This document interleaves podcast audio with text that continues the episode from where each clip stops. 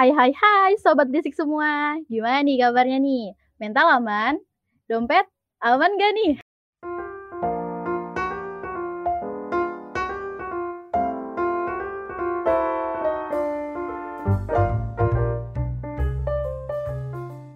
Di masa pandemi sekarang, semoga sehat selalu ya. Yang lagi sakit, semoga lekas sembuh. Tetap jaga imun dan patuhi protokol kesehatan. Oke, di episode kedua ini ada nemuin something yang beda nggak nih? Pasti ada lah ya. Kenapa tuh bisa beda? Ya karena episode ini spesial nih. Terus kenapa nih bisa spesial? Yap, bener banget. Karena di episode ini podcast nggak sendiri nih podcast lagi collab nih sama sharing alumni. Wah, keren gak tuh? Tepuk tangan dulu dong. Anyway, udah pada tahu kan apa itu sharing alumni? Yang belum tahu, gak usah takut, gak usah panik, tenang aja. Karena bakal aku kasih tahu kok. Waduh, baik hati banget gak tuh? Jadi sharing alumni ini adalah suatu acara sharing ilmu cerita dan pengalaman oleh para alumni-alumni DEB kepada mahasiswa-mahasiswa di DEB nih. Duh, belibet banget nih teman-teman, mohon maaf ya. Acara ini bertujuan untuk uh, memberikan sedikit banyak gambaran berkaitan dengan dunia kerja nih, yang cepat atau lambat bakal Sobat Berisik hadapin. Waduh, kita udah ngobrol ngalor ngidul tapi belum kenalan nih. Saya ngikut kata pepatah aja kali ya. Tak kenal maka tak sayang, maka kenalin. Uh, aku Sekar Ayu Iswarawati, panggil aja Sekar. Aku dari akuntansi sektor publik 2020. Di sini aku yang bakal jadi host di episode spesial kita nih. Tepuk tangan lagi dong. Di episode spesial ini aku nggak sendiri nih, Sobat Berisik. Aku ditemenin sama Mas alumni ganteng dari DEB nih. Ayo tebak siapa? sambil nebak mungkin aku bisa ngasih tahu kali ya topik episode spesial kita nih. Tapi mungkin udah udah pada tahu nih karena udah terpampang jelas nih di judulnya. Tapi nggak apa-apa untuk memperjelas aja bakal aku sebutin. Jadi topik episode ini adalah magang nih. Waduh, perlu banget nggak sih kita bahas tentang magang? Apalagi kita nih sebagai anak vokasi yang harus prepare gitu ya, masuk ke dunia industri kerja. Ayo udah pada ketemu belum siapa pembicara spesial kita hari ini? Oke, langsung aja kali ya kita sambut pembicara spesial kita nih. Jeng jeng jeng. Silakan nih Mas Masnya kenalin diri dulu. Oke, makasih kesempatannya. Kenalin nama aku Dimas Aditya dari Prodi Akuntansi angkatan 2017. Halo Mas Dimas, gimana nih Mas kabarnya Mas? Sehat sih, tapi kan masih pandemi ya, jadi kita masih WFA juga sekarang. Keluarga sehat semua ya Mas? Sehat, sehat. Alhamdulillah. Saya juga sehat kok, Mas. Oke, okay, Mas, boleh sharing-sharing sedikit nih, sekalian flashback tentang masa-masa indah. Masa-masa indah apa Mas masa-masa perjuangan nih ya bisa disebutnya? Indah sama perjuangan kali ya. Iya, masa-masa indah penuh perjuangan kali ya. Oke, okay, tadi waktu perkenalan Mas Dimas udah nyebutin nih kalau Mas Dimas dari uh, jurusan D3 Akuntansi angkatan 2020. Mungkin boleh di-spill dikit nih Mas, uh, alasan kenapa mau masuk di bidang ekonomi khususnya di jurusan akuntansi nih? Dulu sih sebenarnya aku SMA di ini ya, di jurusannya IPA kan kalau SMA. Cuma karena kayaknya aku nggak kuat buat terusan di IPA, buat ngitung dan lain sebagainya. Soalnya kan banyak fisika, kimia gitu-gitu kan. Nah, jadi aku lebih milih ke IPS nih jalurnya kalau kuliah. Nah, salah satunya yang aku pengen tuh dulu ada di akuntansi ini. Dan keterima lah di DEB itu sih ya akhirnya lumayan juga kan masuk UGM jadi belajarnya mulai dari nol lah nggak pernah belajar ekonomi tiba-tiba belajar ekonomi kan iya bener banget nih mas ini jadi tantangan ini nih anak-anak SMA yang basicnya dari IPA masuk ke jurusan sosum nih karena saya juga dari IPA kan mas ya semester satu kemarin tuh wah penuh ujian banget karena bener-bener pelongo-pelongo gitu di kelasnya iya sih nggak pernah dapet ilmu ya soalnya tentang sosum ya Iya, bener banget nih, Mas. Harus belajar ekstra nih. Tapi biar ngehindarin belajar ekstra kalau masuk saintek juga sih kan, Mas ya? Iya. Oke. Okay. Uh, eh, berarti Mas Dimas masuk tahun 2017, keluarnya berarti tahun 2020 Mas ya, tiga tahun? Iya, aku di 2020 kebetulan udah bisa lulus, alhamdulillahnya sih. Jadi nggak perlu lama-lama. Bener banget nih, alhamdulillah banget. Nah, selama tiga tahun masa kuliah nih Mas, boleh kali ya diceritain sedikit-sedikit, eee, pengalaman organisasinya atau mungkin pengalaman event kepanitiaan nih? Silahkan Mas Dimas. Kalau organisasi aku dari pertama masuk itu udah ikut di ini di kalau di departemen aku ikut di KMDB.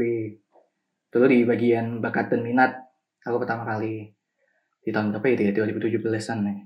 Ya sih itu 2017 akhir. Terus di tahun 2018 aku ikut di BEM juga BMKM UGM. Itu di bagian apa kerjasama internasional. Jadi dulu kalau ada urusan kerjasama internasional, nah itu masuknya ke bagian gue juga.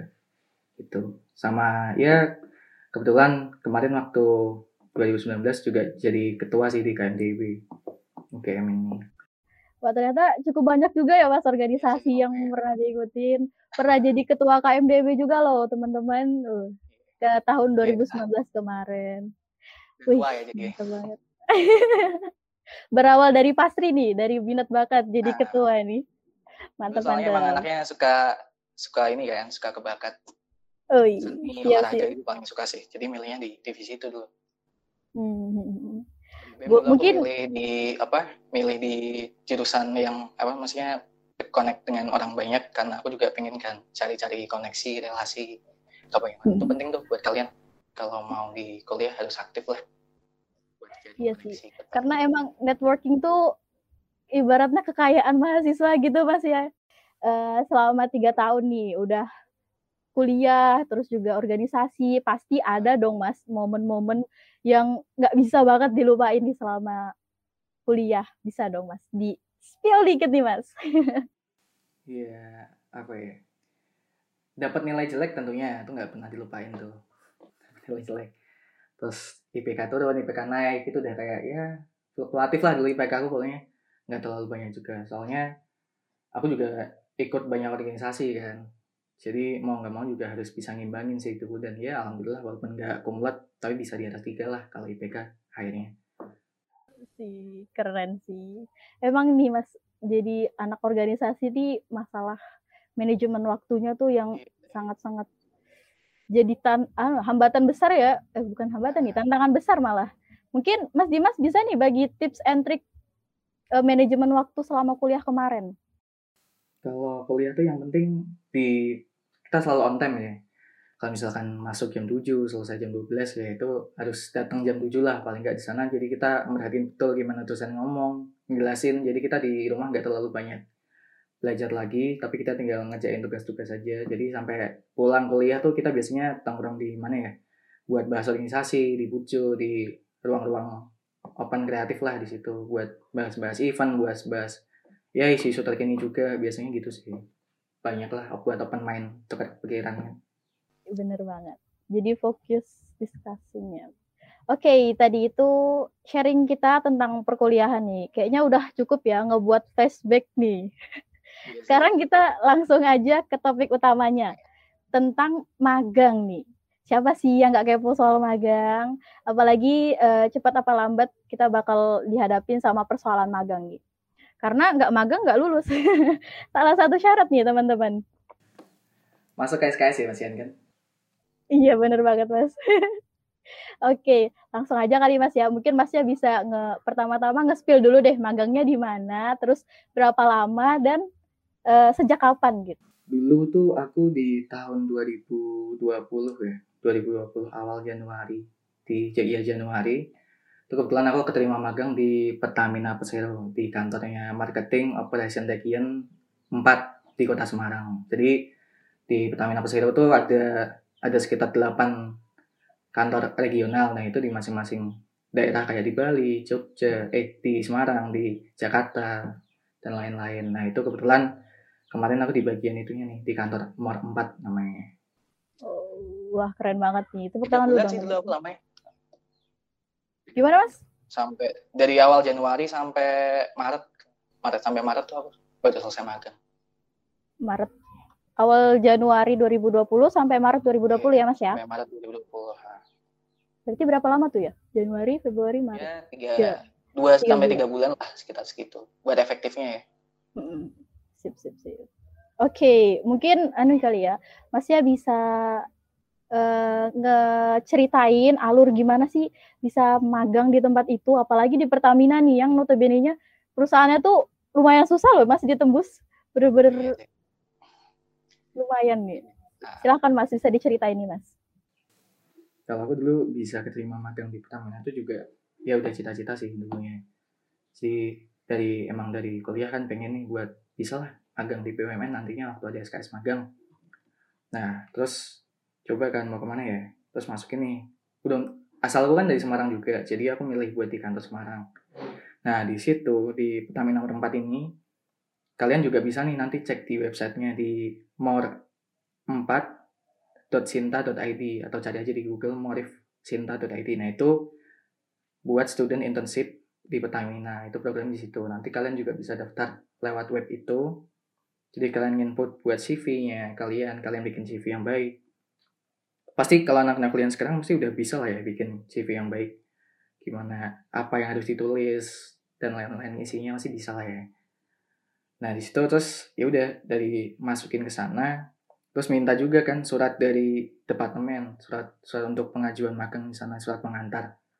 Ditujukan buat general manajernya di PT Pertamina nomor 4 dulu. Nah, di situ nanti setelah aku sih dulu dapat pengumuman tuh di seminggu kemudian seminggu kemudian aku udah di email jadi dulu ada pengumumannya lewat email jadi meninjak menindaklanjuti pengajuan magang gitu dan akhirnya dapat pengumuman buat aku diterima di situ nah jadi ya langsung dari Jogja waktu itu balik ke Semarang sih buat magang Wah, keren banget sih. Sekalian pulang kampung gitu, Mas ya. Berarti ini loh, Mas. Uh, apa prosedurnya tuh nggak di apa nggak direkomendasiin dari kampusnya dari bidang akademiknya gitu. Jadi mas sendiri yang mandiri gitu ya mas ya nyari. Iya sebenarnya magang di mana aja tuh menurutku juga udah. Itu terserah kalian juga. Jadi suatu tempat tuh pasti punya positifnya sendiri lah mau itu di kantor apa mau di kantor konstruksi Pertamina BUMN atau kantor-kantor swasta lain tuh atau bahkan di kantor-kantor pemerintahan itu pasti punya sisi positifnya sendiri. Tergantung dari kalian tuh punya mimpi ke mana mau kerja di mana mau feelnya dapat ngerasain kerja di mana nih itu bakal pengaruh banget sih ke depan. Apa yang kalian cari itu harus kalian pikir sih buat mau masukin ke masukin ke, ke magang ini. Jadi ya itulah nah, harus kalian cari lah jadi mandiri mas ya disesuaikan sama diri kita sendiri nih maunya ke mana disesuaikan sama yang uh, mau kita dapetin value apa yang kita mau dapetin dari perusahaan itu. Kalau Mas Dimas sendiri kan milihnya supaya bisa uh, kalian pulang kampung, terus juga Pertamina tuh jadi perusahaan impiannya gitu kan ya Mas ya? Iya, dulu emang pingin itu sih, pingin di sana kan. Lagian juga kebetulan aku keterimanya di divisi finance-nya dulu. Jadi aku ngurusin di bagian akun payable, akun receivable. Nah di sana terus jadi diajarin lah flow-flownya di sana dan orangnya welcome banget kok di sana kita diajarin apa pun yang kita minta buat diajarin di sana. Oke, keren banget nggak tuh teman-teman di Pertamina gitu. Nah, boleh nggak sih Mas, Mas? Tadi kan udah nyinggung nih sedikit tentang CV dan prosedur-prosedur magang. Boleh dikasih uh, tips and trick gak nih buat sobat bisik dalam nyusun CV nih, Mas?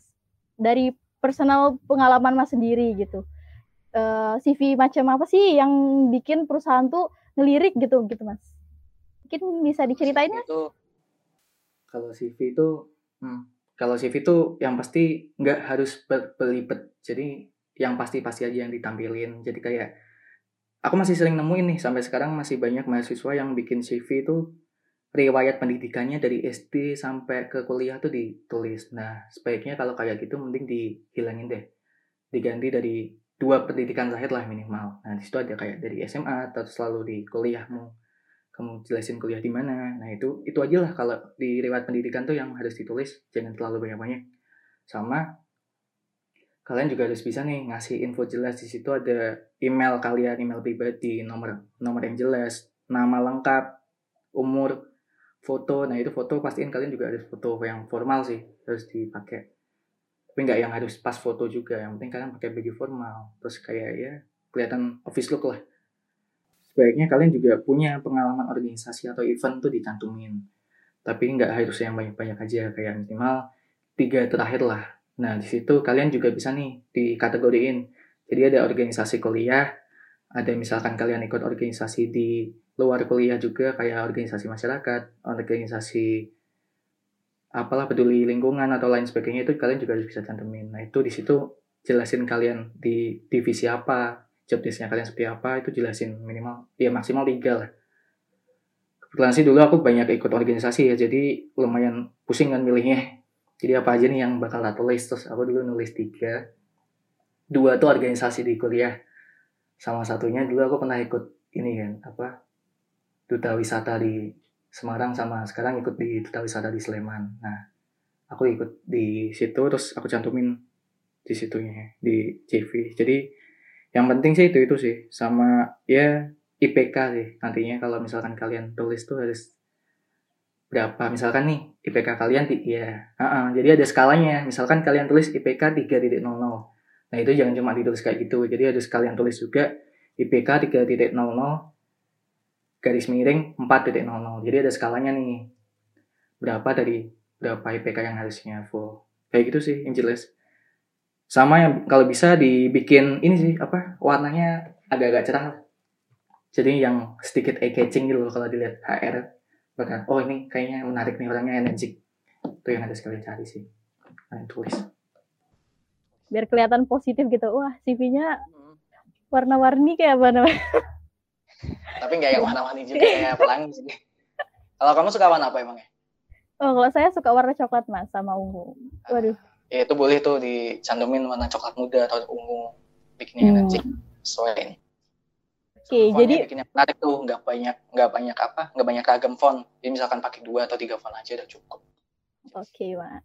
Jadi poin pentingnya tuh kontak harus jelas, kemudian juga fotonya fotonya tuh eh, nggak uh, harus formal banget, tapi yeah. nunjukin kalau kita profesional gitu ya mas ya. Hmm. Sama yang penting tuh fotonya foto terbaru sih, jangan sampai kalian kasih foto SMP-nya kalian mungkin foto SMA itu jangan dikasih deh. Masih ada kok sampai sekarang yang kayak gitu, maksudnya orangnya nggak pede sama dirinya sekarang, jadi dia ngasihnya foto SMP atau SMA. Aku masih sering kok lihat CV orang kayak gitu. Gimana? Masih sering ya Mas ya. Emang sih Mas, saya juga uh, waktu awal-awal bikin CV itu masih pakai foto SMA gitu. Kayaknya itu titik salahnya ya Mas ya. Iya, Oke. Okay. Lebih baik sih dihindarin sih, dibikin baik iya. aja. Iya, bener banget. Di anu ya, dicatat ya sobat berisik semua nih yang lagi dengerin. Ini penting banget nih karena CV itu udah kayak cerminan diri kita gitu, bakal kita bawa terus nih. Hmm, itu bakal kalian bawa sampai dunia kerja sih. Jadi penting lah kalau orang pertama kali mau ngeliat kalian seperti apa tuh dari CV biasanya kalau mau terima kerja atau menerima magang. Dari CV-nya bakal dilihat.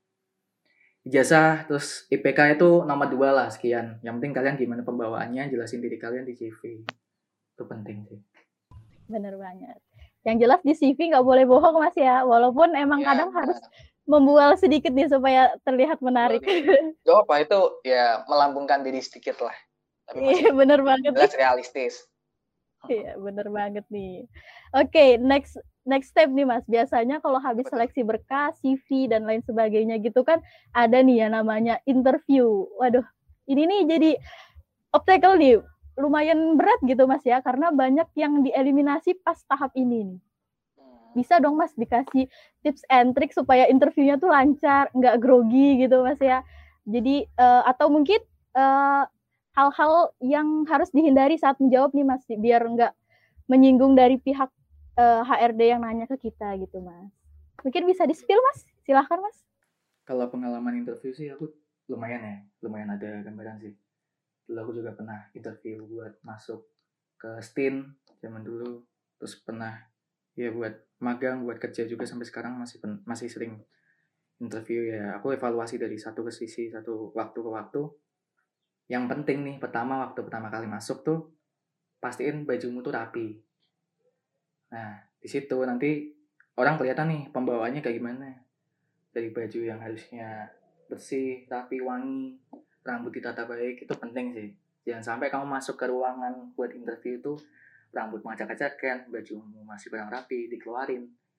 Pokoknya sesuaiin deh sama aturan di sana. Kalau di sana tuh dulu, kalau waktu aku magang di Pertamina, itu yang mesti pakainya resmi. Terus waktu tiap kita kegiatan sehari-hari kalau nggak resmi itu pakai batik sama celananya celana kain. Iya benar. celana hitam kain Celana bahan mas ya.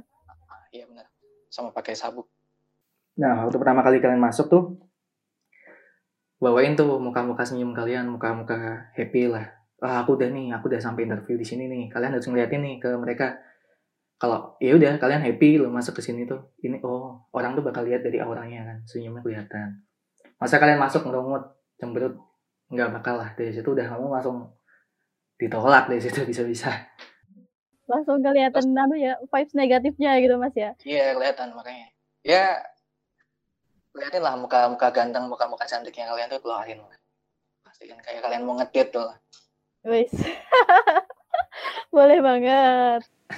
Nah, terus habis itu waktu pertama kali masuk nih, udah masuk, mendekat, jangan lupa kasih salam, kasih salam. Terus jangan sampai kalian duduk duluan sebelum dipersilakan duduk. Dulu temanku pernah tuh ada yang dia, iya, uh, mannernya kelihatan tuh.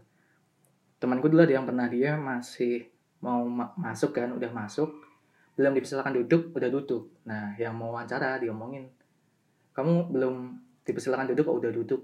Nah itu jangan sampai deh, jadi kayak poin penting lah buat manner ke kalian.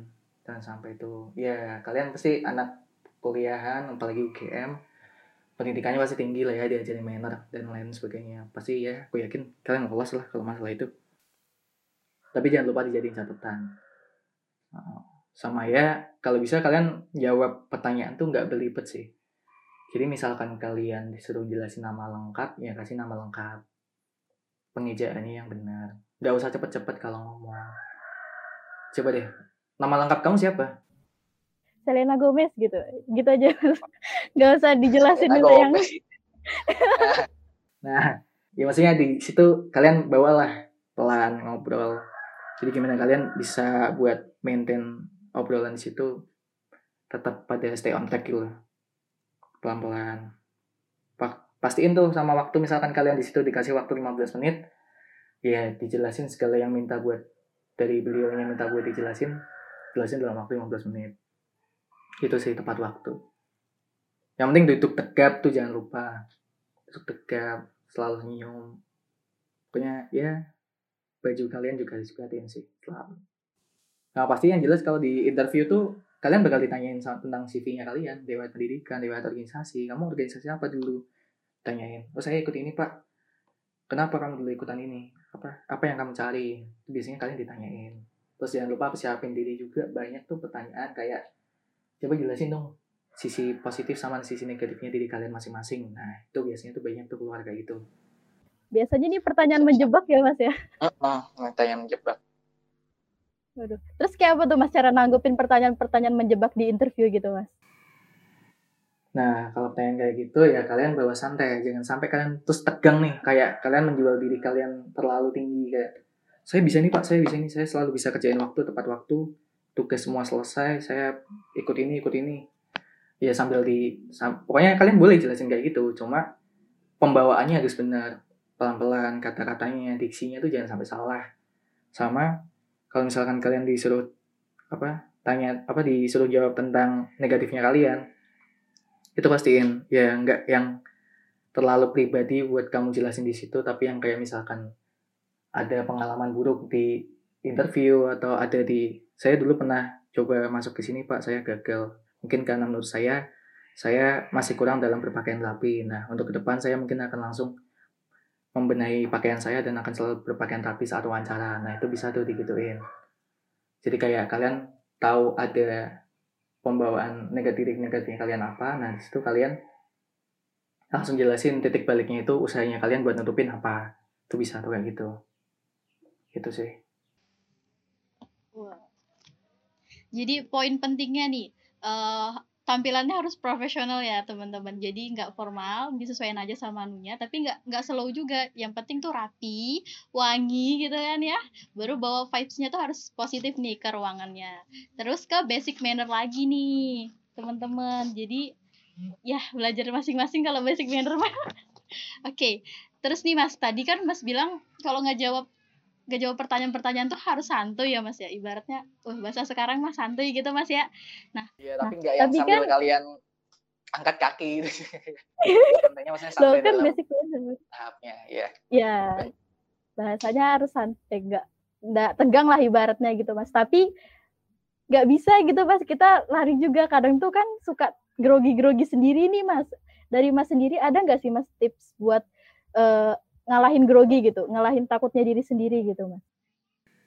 Kalau aku sebelumnya pasti yang jelas kalau aku ya buat nahan grogi itu sebelum masuk interview biasanya aku dengerin lagu dengerin lagu pakai headset. Nah itu salah satunya lah. Terus sama sebelumnya mungkin pagi kalian bisa olahraga itu bikin refresh otak. Jadi lebih ke depannya nanti waktu kamu wawancara bakal kamu fresh lah energi gitu. Nggak kehabisan kata-kata. Oke okay. wah lupa keren berdoa banget. sih yang jelas bener tuh jangan lupa berdoa kunci utama nih jalur langit. Oke, lanjut nih Mas ke pertanyaan selanjutnya. Waduh, kita kayaknya udah jauh banget melencengnya gitu. Sekarang kita balik ke pertanyaan nih.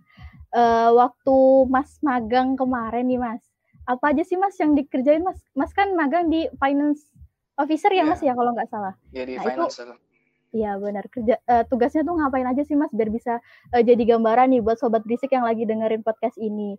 Terus juga mungkin bisa diceritain suasana dan kondisi di lingkungan kerja gitu Mas yang pastinya kan uh, beda banget nih sama lingkungan kuliah kita nih sekarang. Silakan Mas, boleh. Kalau aku sih yang jelas dulu tuh pertama sih aku selalu ya tiap hari itu mengingatkan kayak wah aku bersyukur nih udah bisa magang di sini. Udah kayak mimpi lah udah sebelumnya udah pengen sini dari lama terus udah bisa ngerasain feelnya tiap hari. Nah itu kalau aku tiap hari sih biasanya ngerjainnya tuh tentang ini sih apa administrasi karyawan terus ada tentang alur prosesnya bagaimana. Kalau dia kan di Pertamina nomor 4 jadi Pertamina Persero tuh ada di kantor dibagi dua tuh.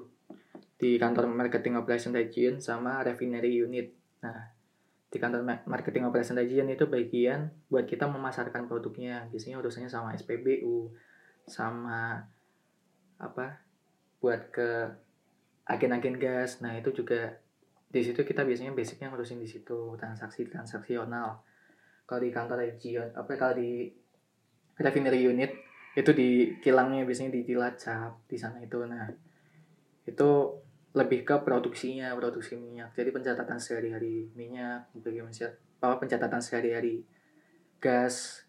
Nah itu produksinya di mereka. Tapi kalau aku di kantor Mor 4 kemarin di marketing jadi aku di bagian penjualan urusannya sama SPU gitu sih. Yang jelas asik sih kita pertama kali masuk tuh dikenalin nih dikenalin sama masing-masing orang di divisi itu siapa aja. Pokoknya kamu harus bisa ngasih first impression yang baik lah ke mereka. Kamu orangnya sopan kamu orangnya baik. Berpakaian rapi itu yang jelas sih. Jadi kayak oh ini pak siapa ibu siapa jangan lupa. Tuh bahasa pertama kali pasti harus formal ya. Terus kalian perhatiin masing-masing pribadi di situ tuh orangnya suka kalau dalam hal apa. Atau misalkan mereka nggak bisa toleran dalam hal apa. Kan pribadi orang tuh beda-beda. Kalian juga harus bisa nyesuaiin. Nah alhamdulillah sih dulu aku di tempatku itu di divisi finance itu jelas enak banget sih orangnya juga humble semua. Aku tiap hari diajakin ngobrol tukar pikiran. Nah di situ kalian juga harus bisa nih buat kenalan selain di divisi kalian tapi di lingkungan sekantor. Dulu aku paling sering jadi di tiap kantor itu kan biasanya ada kegiatan olahraga antar karyawan kayak basket atau futsal atau kegiatan badminton nah itu rutin biasanya seminggu sekali hari apa. Nah aku dulu sering tuh ikutan kegiatan di basket dulu aku. Jadi tiap apa sekantor itu basket di hari Rabu kalau nggak salah. Tiap minggu itu aku pasti ikutan. Jadi kenalan nih di ini oh ini di bagian HR di bagian IT ini pak ini di bagian ini. Jadi aku ngeliatin nih. Jadi setiap kita ketemu di kantin pun kayak oh iya nyapa saling nyapa. Oh ini anak basket nih jadi anak basket ini kemarin oh iya ini ya. Jadi kayak kita first impressionnya tuh dapet lah ke mereka. Kita akrab sama mereka tukar pikiran ngobrol. Itu pokoknya kalian ya se kalau orang Jawa bilang tuh ramah tamahnya harus dikentalin sih. Jadi unggah unggah ungguhnya tuh kalian harus diperhatiin. Jangan sampai kalian apa maksudnya sampai berkata di lain kata yang dilarang atau pokoknya kalian harus perhatiin sih di situ part-partnya tiap hari itu mereka ngapain aja. Jangan sampai ganggu kerjaan mereka juga walaupun kita sering ngobrol. Nah dulu tuh aku juga aku dulu sempat ada ini apa jadi dulu pernah diajakin kan keluar. Biasanya orang-orang sana seminggu sekali itu sering ngajakin kita makan. Jadi ayo ikutan makan yuk kita mau makan di ini nih tempat resto di mana keliling nih diajak diajak meeting juga kadang di luar kita diajak juga jadi kita tahu buat apa kegiatan mereka tuh bahasanya tuh apa aja kita perhatiin. Tiap divisi tuh kerjanya apa aja sih? Misalkan di akun receivable mereka ngurusin apa akun payable ngurusin apa. Kita jadi saling tahu nih perhatiin. Perhatiin di situ. Nah di situ aku dulu juga pernah nih apa aku deket sama di orang kantor itu juga gara-gara dulu aku pernah nih kayak kejadian unik. Aku di mobil kan jalan-jalan sama mereka pergi ke suatu tempat ke bukannya mau meeting tuh. Nah di situ aku aku kan orangnya suka ke musik zaman dulu ya.